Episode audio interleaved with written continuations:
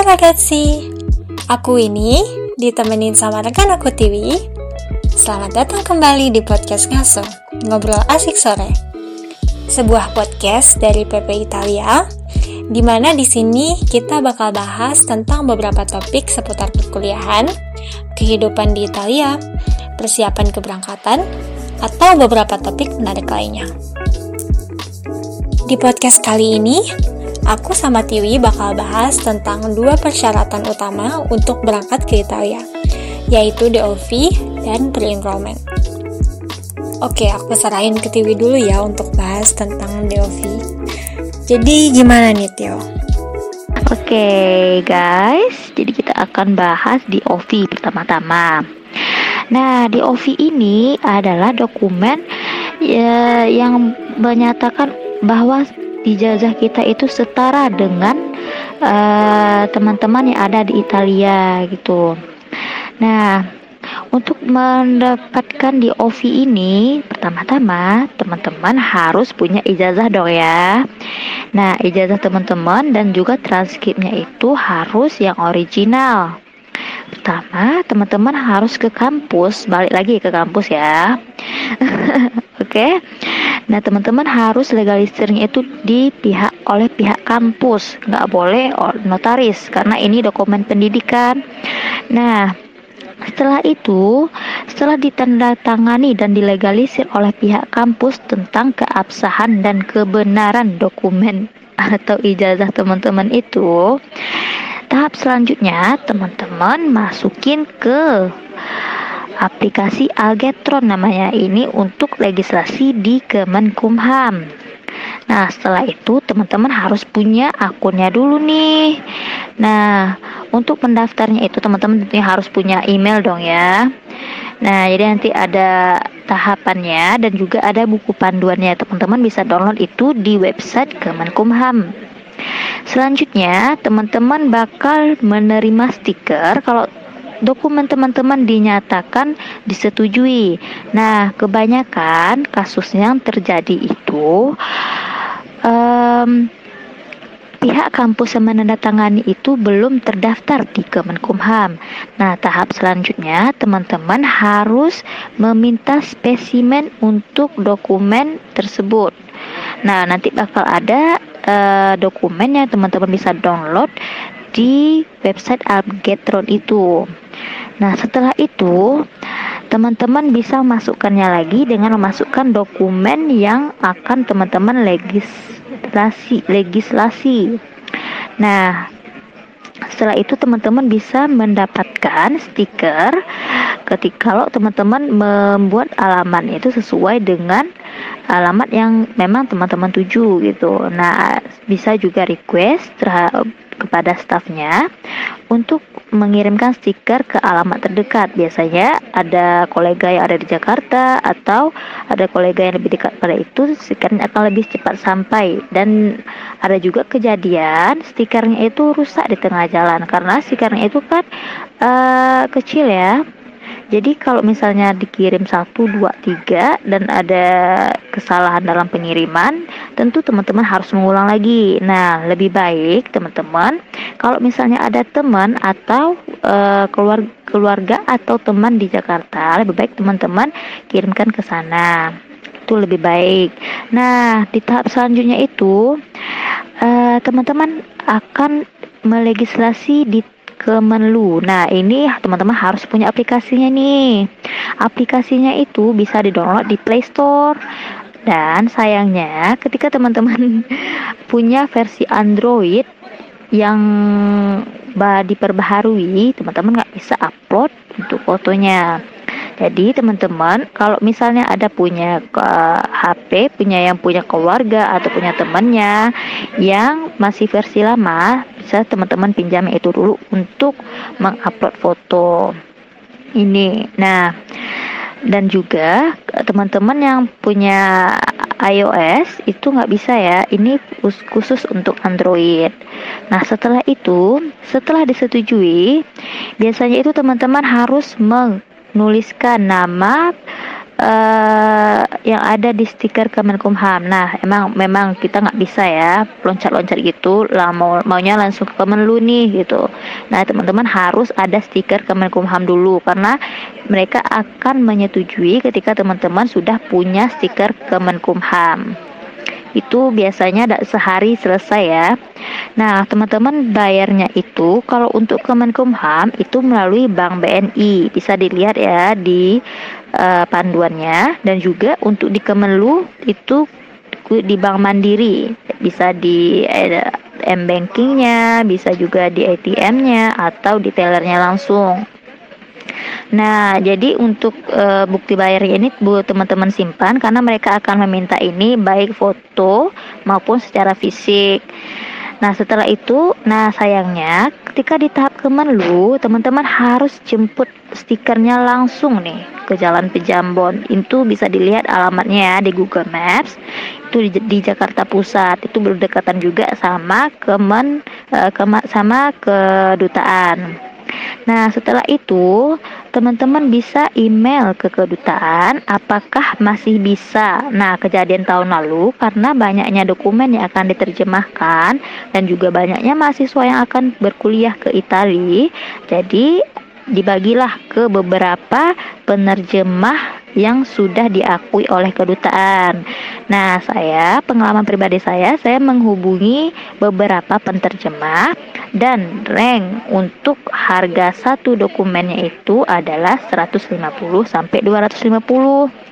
Nah, bagi teman-teman yang punya banyak dokumen nih bisa ada 7 atau 9 nah itu bisa teman-teman hitung ya berapa uang yang akan teman-teman keluarkan untuk penterjemahan ini Nah, setelah itu, setelah email ke kedutaan atau bisa teman-teman langsung email ke IIC, IIC.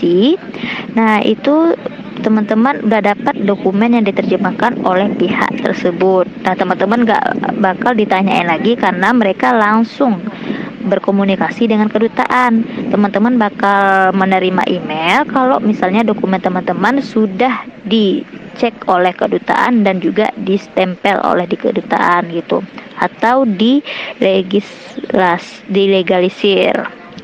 Nah, ini untuk tahapan ini bisa memakan waktu yang lama karena banyaknya dokumen yang akan dicek dan recheck oleh pihak kedutaan. Lalu teman-teman juga harus melampirkan kalau misalnya teman-teman untuk mengurus di OVI ini berarti harus melampirkan ijazah dan transkrip yang asli. Nah, selanjutnya teman-teman akan melanjutkan ke tahap pre-enrollment. Ini nih tahap yang teman-teman harus mau nggak mau itu harus datang ke Jakarta karena itu disaksikan oleh pihak kedutaannya teman-teman menandatangani dokumen yang sudah dilegalisir oleh pihak kedutaan. Oke, selanjutnya Winnie. Oke, silahkan Win. Oke, untuk pre-enroll itu dibagi jadi dua. Yang pertama pre-enroll online, terus abis itu ada pre-enroll kedutaan. Untuk pre-enroll online sendiri, semuanya itu dilakuin di website www.universitari.it. Nah, nanti uh, di website itu kita perlu login. Caranya ntar di sebelah kanan halaman websitenya itu ada bagian international students. Terus nanti kita pilih menu pre-enroll now dari situ. Nah, terus habis itu kita tinggal isi aja data kita, terus ntar submit dan dapat email konfirmasi. Jadi uh, registrasinya registrasi awalnya itu lebih mirip ke kayak kalau kita bikin akun sosmed gitu kan biasanya suka ada uh, ngisi data terus konfirmasi ke email gitu kan. Nah cuman uh, bedanya di sini kita harus benar-benar perhatiin banget pas kita lagi ngisi data itu harus udah uh, benar gitu datanya. Karena kalau misalnya ada salah ketik sedikit aja itu bisa berpengaruh besar ke pengurusan dokumen kita ke depannya. Nah terus uh, abis login nanti ada bakal bakalan ada tiga tahapan step A, step B, sama step C. Di step A itu kita isi data yang berkaitan sama tempat tinggal kita, alamat. Uh, terus di step B nanti kita isi data lain-lainnya kayak nama kampus, jurusan, dan lain-lain. Terus habis itu ada step C di mana kita upload dokumen-dokumen kita kayak CV, DOV dan lain-lain. Nah, tapi um, apa ya? Selama pengurusan eh, pre-enroll ini nggak perlu khawatir gitu karena tata cara pengisiannya juga udah cukup jelas kok di websitenya. Uh, terus abis itu kita juga ntar bakalan dibimbing juga sama uh, satu departemen pendidikan di bawah kedutaan Italia itu namanya Uni Italia. Jadi nanti kita bakal banyak dibantuin juga sama Uni Italia. Jadi jangan khawatir. nah terus kalau misalnya pre-enrollnya udah selesai, terus udah di ACC juga sama pihak kampus tujuan, ntar si hasil pendaftaran kita di Universitas ini tuh dicetak. Nah, terus jangan lupa dibawa buat proses selanjutnya, yaitu pre-enroll kedutaan. Oh ya, um, kayak kata Tiwi tadi ya, pre-enroll kedutaan ini tuh nggak bisa diwakilin, soalnya uh, harus dilakuin sama studennya langsung.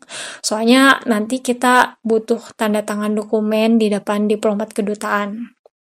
Nah, terus uh, pas kita mau pre-enroll di kedutaan juga ada beberapa dokumen yang harus kita bawa kayak DOV, terus nanti ada formulir Uni Italia, terus ada um, surat penerimaan kampus atau LOA, terus ada terjemahan ijazah sama transkrip, foto, terus uh, ijazah sama transkrip yang asli, fotokopi paspor, KTP, eh fotokopi KTP sama eh, perlu bawa uang kurang lebih sebesar satu juta delapan ratus lima puluh ribu. Jadi pre-enroll kedutaan ini bayar ya. Nah, e, untuk masalah detail berkasnya nanti bisa langsung email aja ke Indonesia at unistripitalia.it nanti tinggal email aja minta uh, rincian berkas untuk uh, pre-enroll ini apa aja sih. Nanti bakal dikasih kok dari Uni Italia. Oh ya uh, ada hal-hal yang harus diperhatiin juga sih. Kayak fotokopi misalnya kayak fotokopi paspor fotokopi KTP itu jangan digunting. Jadi maksudnya misalnya nih fotokopi KTP kan fotokopi KTP itu kecil ya. Tapi kita fotokopi aja satu di satu lembar A4 jadi jangan kayak di abang-abang satu lembar A4 tuh bisa jadi banyak terus digunting-gunting gitu. Nah jangan. Jadi fotokopinya fotokopi satu satu KTP di fotokopi di satu halaman A4 dan misalnya kayak e, paspor juga halaman depan, terus halaman uh, spesimen tanda tangannya itu perlu difotokopi. Di dua lembar terpisah. Sama satu lagi paling foto ya, foto itu harus diperhatiin. Backgroundnya benar-benar warna putih, jangan keabu-abuan atau jangan ngeblur atau jangan uh, jaraknya terlalu jauh atau terlalu dekat Pokoknya uh, sebisa mungkin, sesempurna mungkin periksa semuanya, uh, semua data dengan baik karena kalau misalnya ada salah sedikit aja nanti ngurusnya bakal ribet lagi gitu sih paling. Nah, selanjutnya kalau teman-teman mau bertanya, silakan bertanya di grup WhatsApp PPI Italia dan juga ada beberapa kontak teman-teman dan kakak-kakak yang berkuliah di Italia. Nah, kami juga akan memberikan tips dan trik untuk podcast selanjutnya. Jadi jangan lupa untuk stay tune. Oke, okay? buona serata. Ciao.